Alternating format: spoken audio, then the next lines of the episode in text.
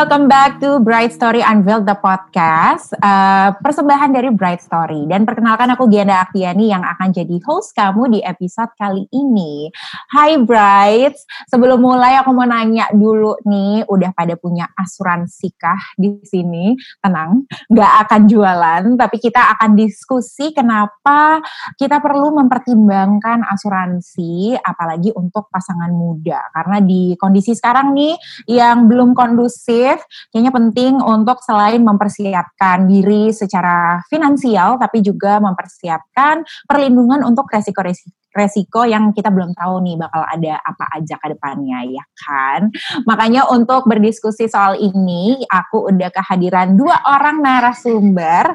Yang pertama adalah seorang ibu muda sekaligus co-founder dan brand and marketing director dari Katan King, ada Ria Sarwono. Halo Ria. Halo. Sudah hadir juga co-founder dari LifePal, sebuah platform all-in-one yang uh, untuk membandingkan dan membeli produk asuransi jiwa dan kesehatan. Ada Mas Beni Fajarai. Eh lupa, tadi udah janjian nggak mau pakai Mas ya. halo Beni. Ya, hai hai hai. Oke, pertama aku mau nanya ke Ria dulu deh. Okay. Anak muda nih ya, seperti aku, banyak yang berpikir asuransi tuh nanti-nanti aja deh. Apakah Ria juga pernah berpikiran kayak gitu? Dan kapan akhirnya uh, memutuskan untuk kayaknya penting nih punya asuransi untuk investasi masa depan? Pernah banget. Dan bahkan hmm. uh, aku itu, I was very skeptical sama insurance gitu. Jadi kayak aku berpikir kayak aduh ngapain sih punya insurance? Kayak nggak penting deh. It, aku pernah di tahap itu banget. Gitu itu satu. Terus uh, akhirnya aku sekarang akhirnya aku punya insurance beberapa malah.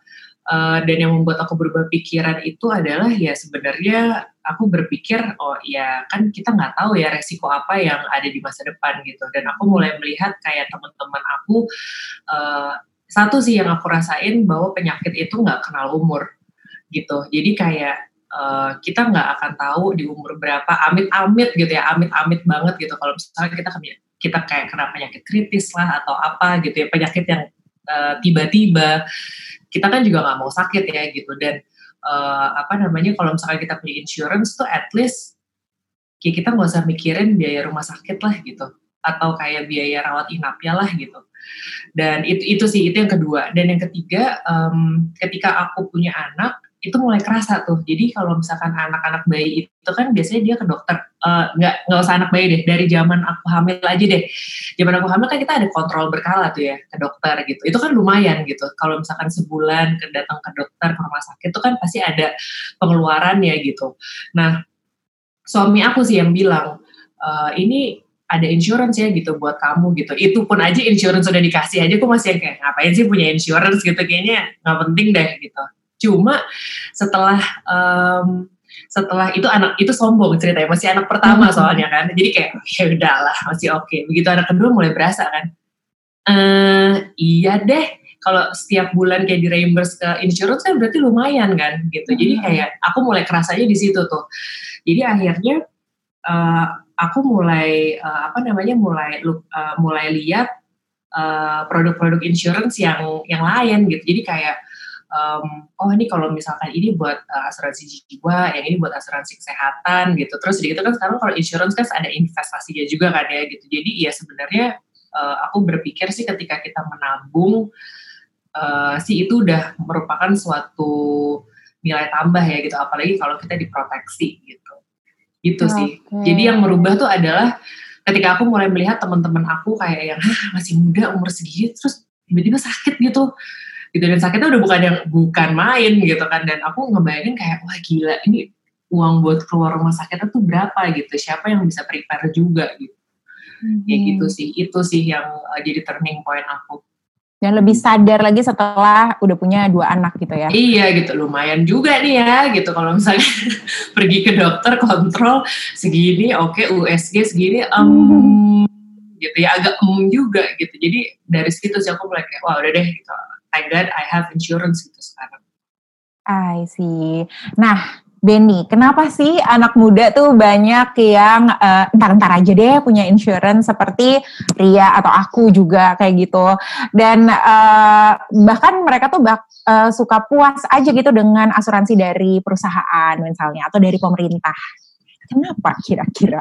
Hmm. Oke, okay, kalau dari itu sih sebenarnya ada, kalau menurut gue ada dua alasan penting. Pertama, mereka tuh belum paham penting asuransi. Kayak tadi ceritanya Ria, memang dalam kehidupan sehari-hari itu enggak kita nggak expose ke asuransi dan penjelasan asuransi itu nggak semudah itu baru didapatin di sekolah nggak diajarin teman-teman juga mungkin pada nggak paham nah padahal dalam merencanakan keuangan tahap pertama yang perlu kita raih itu sebenarnya stabilitas keuangan sebelum kita ngomongin pengen kaya melintir gitu ya dalam kasus ini contohnya tadi uh, asuransi kesehatan. Memang peluang kita buat sakit itu cuma 2 sampai lima persen lah setahun. Ya mungkin malah sehat sehat terus selama bertahun-tahun gitu. Amin gitu kan.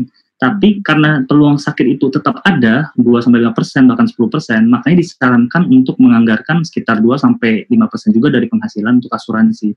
Karena prinsipnya kan kita gotong royong nih patungan, kita nggak tahu siapa yang sakit, bisa gue yang sakit, bisa mereka yang sakit, siapa pun yang bisa, at least dari pool itu ada 2 sampai 5 persen orang yang sakit gitu. Nah, tapi kalau kita udah sakit dan kita nggak punya asuransi, biayanya tuh nggak akan unpreparable, nggak bisa disiapin gitu. Makanya kita namanya mentransfer resiko atau mendilusi resiko itu supaya ya sisihkan kecil aja deh. Karena nanti kalau kita yang kena, kita yang mahalnya tuh luar biasa banget. Dan kadang kalau misalnya ditanya kenapa uh, mereka puas aja dengan asuransi kantor atau pemerintah, ya bisa saja sudah bagus. Cuman bisa juga mereka belum paham perbedaan antara beberapa produk asuransi. Jadi misalnya uh, kita ambil contoh dari BPJS misalnya, which is good kalau slogannya itu wajib dan bermanfaat. Tapi kalau misalnya if something is urgent, kita kan harus ada rujukannya tuh. Nah, rujukan-rujukan itu bisa jadi eh, nggak uh, nyaman buat banyak orang. Atau uh, nggak cuman asuransi kesehatan dong nih, kalau bisa dari kantor dia memberikan per, uh, perlindungan kesehatan saja, tapi sebenarnya mengeksklud penyakit kritis. Nah, biasanya dari kantor profitnya cuma uh, rawat jalan atau rawat inap biasa. Sedangkan penyakit kritis yang gede banget itu nggak di cover sama uh, asuransi kantor. Jadi uh, ada top up top upnya lah gitu. Belum kita ngomongin jiwa atau mobil. Nah itu alasan pertama. Artinya mereka belum paham nih gitu. Dan kita pasti punya teman-teman yang ngajak kita ketemu dari mungkin teman SMA, teman SMP, terus nawarin asuransi, ya kan? Dan itu so relatable for everyone. Nah, agent agak maksa kan pada waktu itu. Semua stigma agent insurance itu adalah maksa. Iya. Yeah. Dan not all agent is bad, right? there's always a good one, there's always a bad one. Tapi ya biasanya orang ingetnya yang bad ones. Nah, kalau misalnya kita uh, tanya asuransi yang bagus apa, biasanya ditanya, jawabannya itu selalu ya asuransi dia gitu. Mm-hmm. Nah, tapi sebenarnya uh, if we can compare, kita bandingin semua produk dengan mudah, uh, harusnya kita bisa lihat sebenarnya oh yang ini sesuai kebutuhan gue dan ini sebenarnya murah banget gitu. Dan artinya kalau misalnya kita bisa melihat semua, kita tidak lagi uh, merasa ditipu karena it's very transparent kan. Itu juga alasan kenapa kita pas di awal bikin Lifepal, the goal is to create satu tempat yang bisa nunjukin semuanya itu. Bahkan setelah kita bikin Lifepal, aku juga ganti asuransi kita jadinya. Uh. Me personally change my insurance karena oh apparently there's a better one gitu. Itu sih. Oke. Nah kalau dengar cerita Ria tadi di awal, berarti kan dengan adanya asuransi bisa dibilang Ria jadi merasa worry less gitu ya.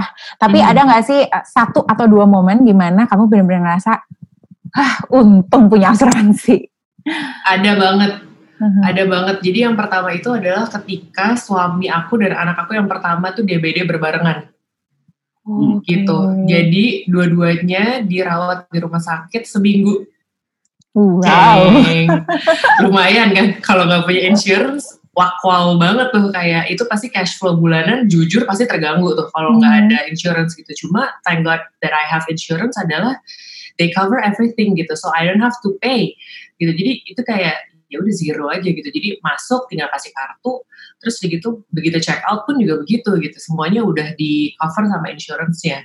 Itu itu adalah uh, momen pertama yang kedua, ketika aku ngelahirin anak ketiga, jadi satu dua kan aku ngelahirinnya normal. Oke, ya normal persalinan normal sama persalinan sesar beda dong. Gitu. Jadi hmm, aku ya, jadi aku yang ketiga ceritanya Jumawa nih. Wah, anak ketiga ya udah lah ya, paling keluarnya cepet gitu, another normal lagi lah. Jeng jeng, enggak loh, ditunggu sampai empat week, empat satu kalau nggak salah. Pokoknya 40 or 41 udah plus plus berapa hari gitu. Jadi pokoknya udah udah hampir due date-nya gitu. Ketuban juga udah keruh. Dia nggak ada tanda-tanda mau keluar. Jadi akhirnya aku menyerahkan diri ke rumah sakit. Terus aku nginep semalam. Begitu nginep semalam pagi-paginya diberikan kabar bu ini uh, ketuban udah rembes udah keruh jadi kita harus uh, kita harus sisek. Hah? Gak kebayang. Itu nggak kebayang sama sekali. And then insurance lagi jadi kalau yang kedua itu, uh, jadi kan suami aku ada insurance uh, sendiri, aku juga ada insurance kan. Jadi hmm. begitu digabungin, ya udah gitu. Maksudnya kayak uh, ngebayar, aku masih ada sisa bayar nggak ya? Kayaknya nggak ada deh. Itu juga jadi nggak ada gitu. Jadi aku tuh nggak hmm. kebayang bisa kebayang nggak kalau kita udah ngeplan gitu ya bahkan ah, oke okay nih anak ketiga kita mau normal juga hmm. uh, apa namanya kamarnya yang ini tapi tiba-tiba plannya semua berubah, bubar hmm. aja gitu, ha, berubah gitu. Ya kan kita nggak prepare for that gitu, yang kayak gitu gitulah gitu. Itu jadi dua hal itu sih yang ketika suami dan anak aku berbarengan masuk rumah sakit, sama yang hmm. kedua adalah ketika aku udah plan ngelahirin normal, which kalau normal kan ya tiga hari di rumah sakit, dua hari di rumah sakit udah bisa pulang. Ini nggak bisa hmm. gitu. Ini harus stay kayak another two, another three days gitu. Jadi aku kayak seminggu di rumah sakit. Itu kalau nggak ada insurance, boncos sih itu. Oke, okay. jadi gitu. thanks to insurance ya. Oke okay, Benny, tadi mungkin kita udah ngebahas, halo? Yep. Hai Benny, tadi kan kita udah ngebahas uh, stigma-stigma buruknya asuransi gitu ya. Tapi banyak juga mungkin yang berpikir gue daripada asuransi investasi aja deh gitu. Amit-amit kalau ada kejadian darurat apa kan gue bisa cairin. Nah, tapi sebenarnya apa sih bedanya investasi dan asuransi dan apakah mereka bisa digabungin? Mm-hmm. Mm-hmm. Ini cerita yang menarik dari Ria juga tadi soal uh, ada cases di mana ketolong banget sama asuransi hmm Tapi sebenarnya 80% of the case kan orang merasa kayak, aduh gue gak kepake nih asuransi gue, merasa rugi betul. gitu, merasa rugi betul. gitu. Nah ini pertama sebelum kita ngomongin investasi dan asuransi, kita mau set the mindset right dulu nih. Mm-hmm. Kalau nggak sakit dan nggak pakai asuransi, justru untung dong, bukannya rugi gitu. Berarti walafiat gitu. Nah, karena kenapa ada mindset bahwa uh, kalau gue nggak pakai gue rugi dong? Uh, karena kita tuh dikenalkan bahwa asuransi itu sama dengan investasi. Padahal itu dua hal yang berbeda. Hmm. Investasi itu fungsinya adalah mencari keuntungan atau menggandakan aset gitu kan. Sedangkan hmm. asuransi itu manajemen risiko. Jadi kalau misalnya kita ada resiko, kita pengen mengurangi dampaknya jika benaran resiko itu terjadi gitu. Karena fungsinya adalah mengurangi resiko, dia tuh harusnya berada di sisi cost pengeluaran. Do not expect anything from it. Itu udah cost aja udah kalau misalnya nggak kepake ya puji syukur. Kalau kepake juga ya udah puji syukur ada asuransi. Nah a lot of people expecting a return. Jadi akhirnya setelah dipikir kok tiga tahun gue bayar kok nggak pernah sakit dan ah rugi ah nggak usah bayar lagi. Salah justru you have been protected for three years. Good that you don't you don't get sick ya nggak apa-apa gitu. Nah sekarang kita ngomongin asuransi dan investasi. Kalau misalnya dalam hidup kita itu kan ada hal yang bisa direncanakan. Dengan menikah punya anak bangun rumah naik haji, pensiun, itu semua kan bisa dicapai dengan investasi, tujuan-tujuan keuangan lah gitu. Mm-hmm. Yang nggak bisa kita rencanakan itu resiko, karena kita nggak tahu sakit apa nih gitu. Benar. Resikonya besar, kecil, Benar. ya kan? Uh, ya amit-amit mau direncanakan, uh, dibayangin aja udah serem gitu. Nah kalau misalnya yang kecil-kecil resikonya kayak ban pecah, kaca handphone pecah, uh, bayi ngompol sampai merusak ranjang gitu ya, itu kan resiko kecil yang bisalah kita cover dengan penghasilan kita sendiri. Tapi yang kita coba istilahnya outsource uh, risiko itu ke perusahaan asuransi adalah risiko-risiko yang gede yang aduh kita nabung sendiri itu sakit banget rasanya dan mengganggu semua uh, tujuan finansial yang kita gitu ya. nah kalau udah kayak berat-berat sakit kecelakaan apalagi yang amit meninggal dunia itu nggak cuma berat uh, emotionally tapi juga berat secara biaya. Nah hmm. mending kalau misalnya kita udah duitnya terkumpul. Tapi kalau misalnya belum terkumpul gimana, ya kan? Uh, just jadi kita bisa membeli asuransi supaya we are not protected when we are rich. Ketika udah kaya nanti, tapi sekarang ketika kita masih penghasilannya masih pas-pasan atau masih uh, berkecukupan doang. Just ini ada not so fun fact ya. kenaikan biaya medis di Indonesia itu 11% per tahun. Artinya kalau nabungnya di depo itu itu dua kali lipat loh baru bisa ng- ng- ngalahin kecepatan naiknya biaya medis di Indonesia. Padahal inflasi kan cuma dua persen ya. Ini kesehatan tuh naik 11%. Apalagi kalau Ria tahu nih, biaya pendidikan juga serem.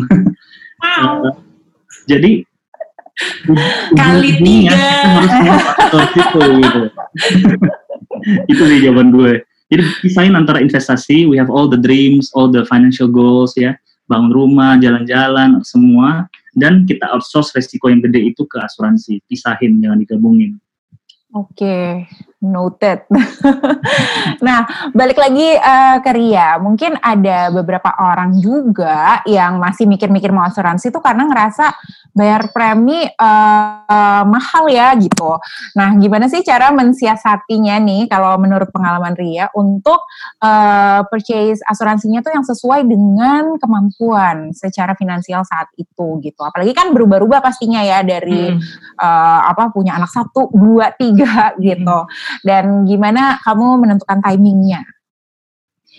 Oke, aku tuh waktu itu em, kayaknya yang selain maksudnya kayak selain faktor eksternal gitu ya kayak aku ngelihat uh, teman-teman aku ada beberapa yang sakit terus udah kayak gitu juga kebutuhan aku sendiri akan kayak maksudnya anaknya udah dua pada waktu itu aku beruntung banget jadi Karlin partner aku di Katening itu Hmm. kebetulan temennya itu adalah agent insurance gitu Hmm. jadi sabar banget nge- ngejelasin ya gitu. Nggak maksa ya? gak maksa gitu. Dia bilang dia waktu itu bilang kayak gini Ria Karlin kamu kan umurnya masih muda ya gitu. Udah pada punya insurance apa belum? Gitu. Ah terus aku kan dengan skeptical kayak hah punya insurance buat om gitu. Enggak gitu. Eh bukan kayak gitu gitu. Maksudnya eh, kalau misalkan resiko kan kita nggak akan pernah tahu. Dan kalau misalkan kamu eh, startnya lebih eh, maksudnya startnya muda ya preminya kan juga eh, disesuaikan dengan keadaan kamu sekarang gitu. Dan insurance itu kan bisa nanti kita bisa naikin premi ya sesuai kebutuhan gitu. Jadi ya aku dijelasin kayak gitu oh gitu om jadi aku bisa eh, bisa preminya bayar preminya gimana gitu. Ya udah dia menjelaskan gitu oke kamu bayar premi segini ya nanti ini buat insurance-nya yang ini bisa ada investasinya gitu. Karena pada waktu itu aku ngambil eh, produknya yang ada insurance ada proteksinya tapi ada juga yang separate buat eh, investasinya gitu.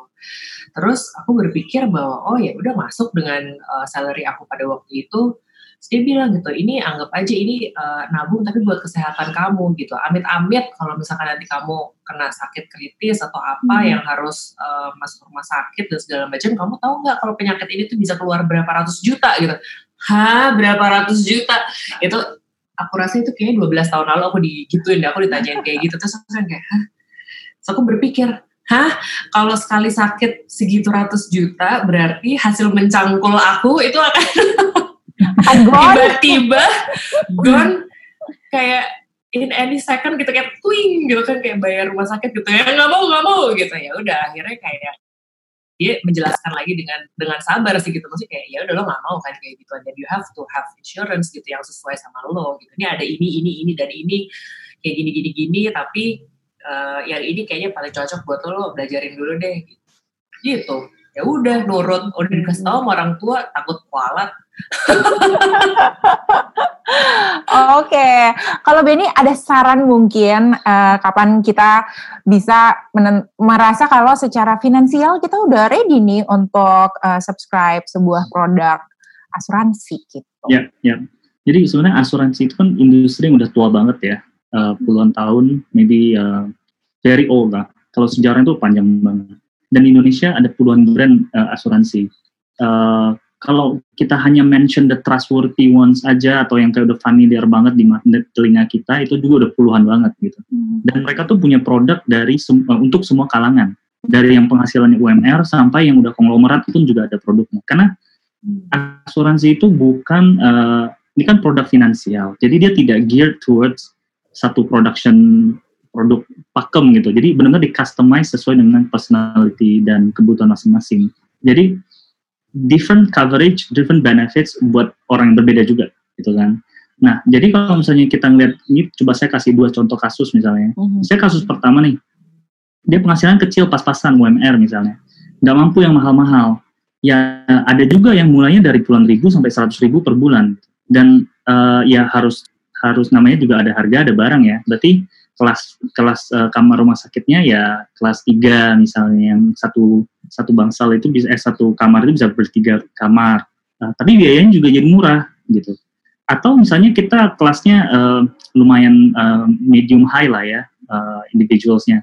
Kita dapat asuransi nih dari kantor, tapi cuma nanggung kamar 500 ribu. Sedangkan kita cek rumah sakit terdekat itu uh, yang VIP satu kamarnya sendiri misalnya itu satu setengah juta per malamnya. Nah teman-teman ini kelas ini bisa beli uh, hospital cash plan semacam top up lah gitu.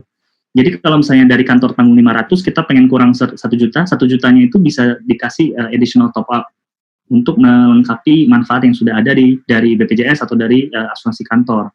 Nah cukup bayar kalau ini contekannya kalau di LifePal uh, itu bisa ada produk yang cuma 100 ribu doang per bulan misalnya. Jadi asuransi itu nggak pakem oh harus ini maka ini semua.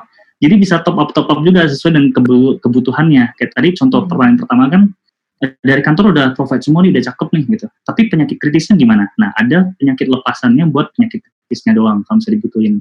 Karena kita tahu oh orang tua itu ada riwayat diabetes misalnya atau something lah ya yang uh, ditakutkan. Nah, itu bisa di top up juga.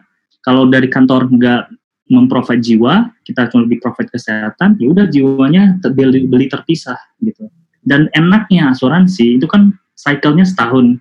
Jadi kalau di level beli tahun ini brand A, tahun ke depannya ada brand B yang lebih bagus, ya udah pindah aja gitu. Kita nggak ngajarin not being loyal, tapi it's very logical product kan. Hmm. Jadi yeah, whichever you feel better, that just switch. Gitu. Jadi itu benar-benar kerubah stigma insurance ya. Soalnya dulu tuh uh, gue tuh juga sempat pikir ah once you have insurance ya you have to stick with one product gitu. Hmm. Setelah gue punya insurance tuh enggak gitu. Jadi hmm. itu gue juga mengalami sendiri gitu ketika kayak jadi nih gue uh, punya insurance sudah lama nih 12 tahun lalu gitu satu produk yang bisa A gitu.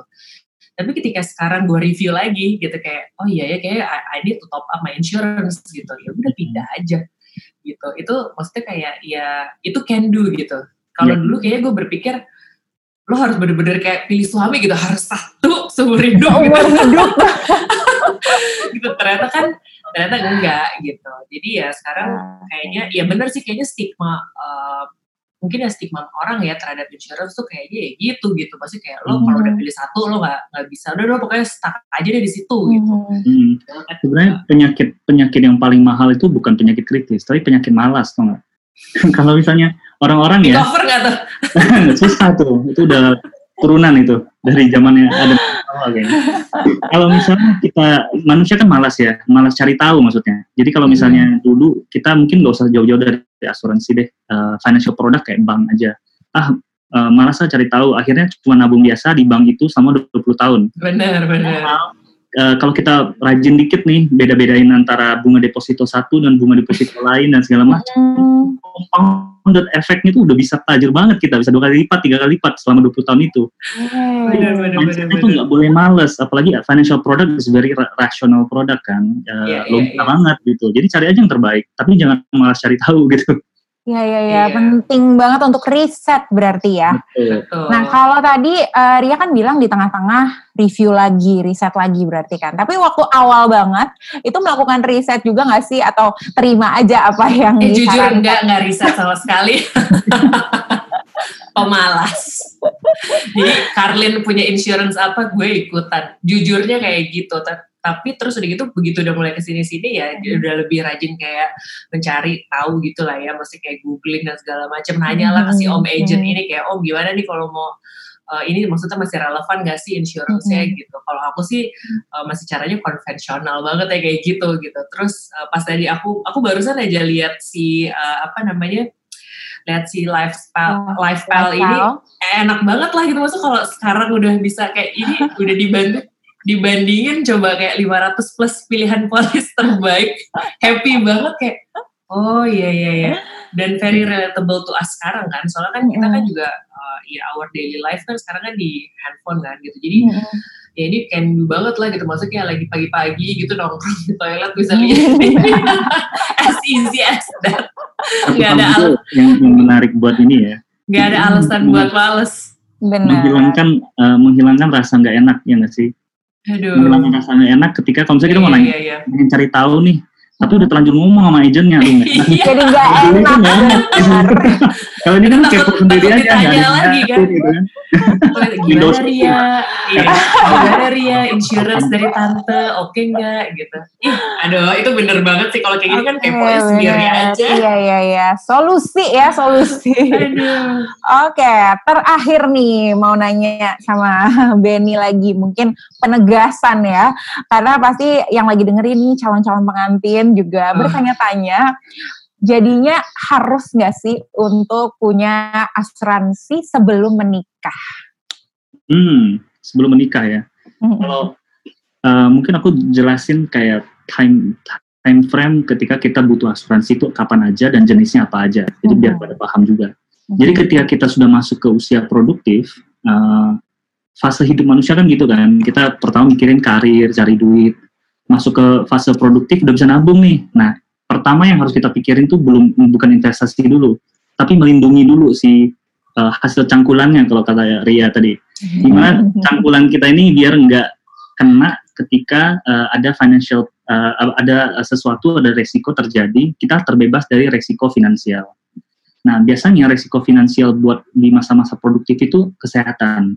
Uh, kita aktif, produktif, kadang kena uh, demam berdarah, kena atau tipes karena kecapean or something. Nah, jadi sebelum menikah sebagai individu baik itu jomblo maupun tidak jomblo tetap butuh asuransi kesehatan just to make sure that you get the right the right one ya yang bagus. Nanti ketika sudah berkeluarga pastikan uh, kita memetakan resikonya, mengakses resikonya. Contoh kasus misalnya uh, sebagian besar orang tuh nanya kapan ya saya butuh asuransi jiwa contohnya. Nah, kalau misalnya kepala keluarganya itu sumber penghasilannya itu satu orang, wah itu satu orang itu harus banget dijadiin uh, harus memiliki asuransi jiwa, tulang punggung keluarga. Karena misalnya begini, uh, let's say uh, ibunya bekerja, bapaknya tidak bekerja. Ini contoh modern banget nih.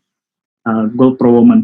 Kalau misalnya uh, istrinya bekerja, terus suaminya tidak bekerja, tapi istrinya meninggal dunia, berarti dua uh, orang ini anak dan suaminya tidak cuma kehilangan secara uh, emosional bebannya nggak cuma emosional tapi financial. Gimana kita bayar tagihan gimana hutang-hutang cicilan rumah selama ini segala macam. Nah maka penting nih punya asuransi jiwa si mata uh, sumber pencaharian keluarga ini. Nah terus gimana kalau dodonya bekerja? Kalau dodonya bekerja salah satu uh, let's say pass, pass away meninggal dunia apakah cukup penghasilan salah satu itu untuk mencukupi kebutuhan keluarganya itu kalau tidak cukup, masih perlu juga uh, asuransi jiwa. Tapi kalau misalnya sudah cukup dan fungsi asuransi jiwa itu hanya buat additional, mau itu warisan kah, segala macam. Terus balik lagi ke poin, itu secukup apa, uh, sebanyak apa nih uang pertanggungannya. Orang bilang asuransi yang bagus itu uh, relatif, tergantung objektifnya. Tapi jangan cari untung, karena prinsip asuransi bukan cari untung. Mm-hmm. Ya kan? Karena untuk klaim itu kan kita mengalami kerugian yang lainnya. Jadi secukupnya saja, cukupnya tergantung dari keluarga masing-masing. Katakan istrinya kalau amin-amin meninggal dunia, suaminya kan berarti harus mencari pekerjaan baru, butuh waktu kan. Ketika berduka, cari pekerjaan lagi, menstabilkan keuangan keluarga lagi, berarti butuh mungkin setidaknya setahun lah, sampai akhirnya semua stabil. Nah, gimana caranya pengeluaran selama setahun itu, berarti pengeluaran per bulan kali 12, itu di uh, menjadikan perhitungan dasar dari uang pertanggungannya itu. Ya kan? Kalau misalnya uh, sudah semakin tua, semakin susah nih cari cari penghasilan uh, baru, berarti harus lebih lama lagi. Jadi masing-masing keluarga beda. Ada famous saying, best insurance is relative, the worst insurance is the cheapest one, yang paling murah. Jadi hmm. ada ada manfaat, pasti ada harga juga. Jadi jangan cari yang ah yang murah aja deh, tapi nanti nggak cukup gitu. Hmm. Baik itu buat kesehatan, baik itu buat jiwa, buat mobil, semuanya kita sesuaikan dengan kebutuhan masing-masing, masing-masing tahulah kebutuhan masing-masing. Jadi sebelum menikah kesehatan, setelah sudah menikah, kalau istri tidak bekerja mulai punya jiwa, kalau istri dan suami sudah punya anak dan uh, salah satu doang yang bekerja dan belum cukup harus punya asuransi jiwa juga. Oke, aku yakin yang lagi dengerin sambil ngangguk-ngangguk, mungkin bahkan sambil mencatat ya. Iya. nah, kalau Bright mau tahu lebih banyak tentang asuransi apa aja sih yang cocok untuk pasangan muda, coba sambil ajak pasangan kamu juga buat lihat-lihat lifepal.co.id. Gak harus langsung beli ya, tapi uh, kamu bisa belajar dulu tentang jenis-jenis produknya di situ. Dan ngomong-ngomong soal perlindungan dari resiko-resiko nih, yang dari tadi kita udah bahas, bahas, Bright Story juga punya produk yang mirip nih kayak gitu, tapi khusus untuk calon pengantin. Namanya Flexi Reschedule. Jadi kalau Brides to be mau booking vendor tapi masih khawatir nih nanti tahu-tahu tanggalnya berubah lagi. Nah, cari aja vendor yang menawarkan Flexi Reschedule di Bright Story. Vendornya ini ada lebih dari 100 dan uh, jadi tinggal cari aja yang ada simbol Flexi Reschedule-nya akhir kata terima kasih banyak untuk narasumber-narasumberku. Uh, sangat insightful ya uh, diskusi sore ini. Terima kasih Ria, terima thank kasih. You. Thank you, thank you. Dan terima kasih juga untuk kamu yang udah dengerin. Jangan lupa untuk stay tune terus dan tungguin episode terbaru dari Bright Story Unveiled the Podcast. Pastinya di Spotify-nya Bright Story Unveiled the Podcast dan juga bisa ditonton secara visual di IGTV-nya at The Bright Story. Aku Gianda Aktiani, pamit undur diri. Bye.